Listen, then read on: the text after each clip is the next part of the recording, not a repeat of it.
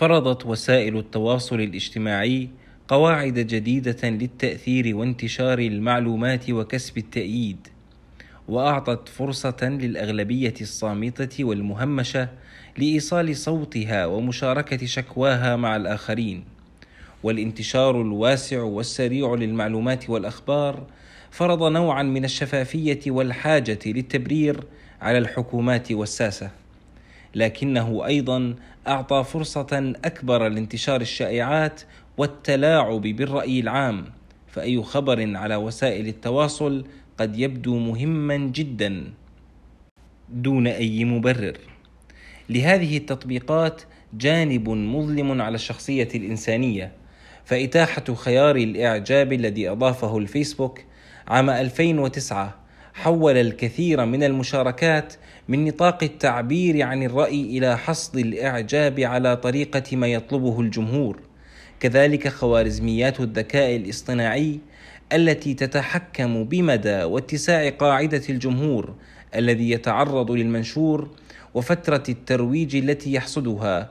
تفضل الصور على الكلمات والجمل القصيرة على المقالات وكذلك المنشورات التي تستقطب الجمهور وتشعل النقاشات على ما قد يجتمع الناس عليه.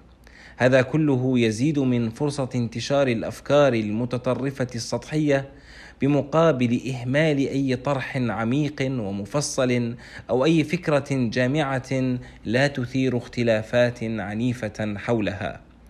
إضافة إلى أن هذه الخوارزميات تختار المنشورات التي تظهر للمستخدم بناء على تفضيلاته السابقة وهذا يخلق بعد فترة من الزمن فقاعة وهمية توحي للمستخدم أن الجميع يوافقه الرأي وأنه يمثل الأكثرية ولا تصله المعلومات إلا من مصادر تتقاطع مع ميوله مما يخلق فجوة بين الواقع الافتراضي والحقيقة. في عام 2012 أضاف الفيسبوك خيار المشاركة للمنشورات وسبقه تويتر في عام 2009 لهذا. هذا الخيار غير شكل انتشار المعلومات إلى الأبد وطريقة عرضها أيضا والحسبة بسيطة هنا. فالمنشور العادي يصل لحوالي 20% من المتابعين للحساب. وفي حالة مشاركته مرة واحدة فقط فإن هذا الرقم يتضاعف فورا وهذا أغرى الكثير من الصحف والشبكات الإعلامية لصياغة العناوين المضللة والإشاعات التي تثير فضول الناس لحصد انتشار أوسع. أما خيار التعليق على هذه المواقع دون اشتراط إظهار أي معلومة شخصية صحيحة مثل الاسم أو الصورة فهي بمقدار ما حملت من الحرية لمن يعاني من القمع فقد جردت النقاش من آدابه وحولته إلى تراشق اتهامات وشتائم فالنقاش وجها لوجه مع شخص يعرف اسمك وشكلك يختلف تماما عن نقاش تنخرط فيه من خلف الشاشات التي توفر قناعا سميكا لتختفي خلفه.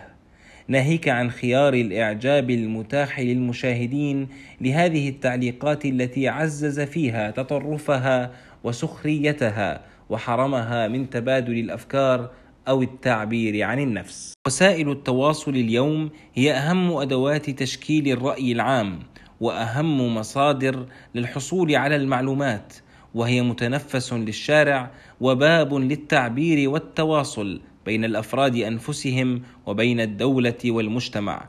لكنها كغيرها من الأدوات تحتمل الخير والشر وتحتاج إلى توعية لمستخدميها عن آليات عملها وقوانين تنظمها توازي بين الحرية والمسؤولية.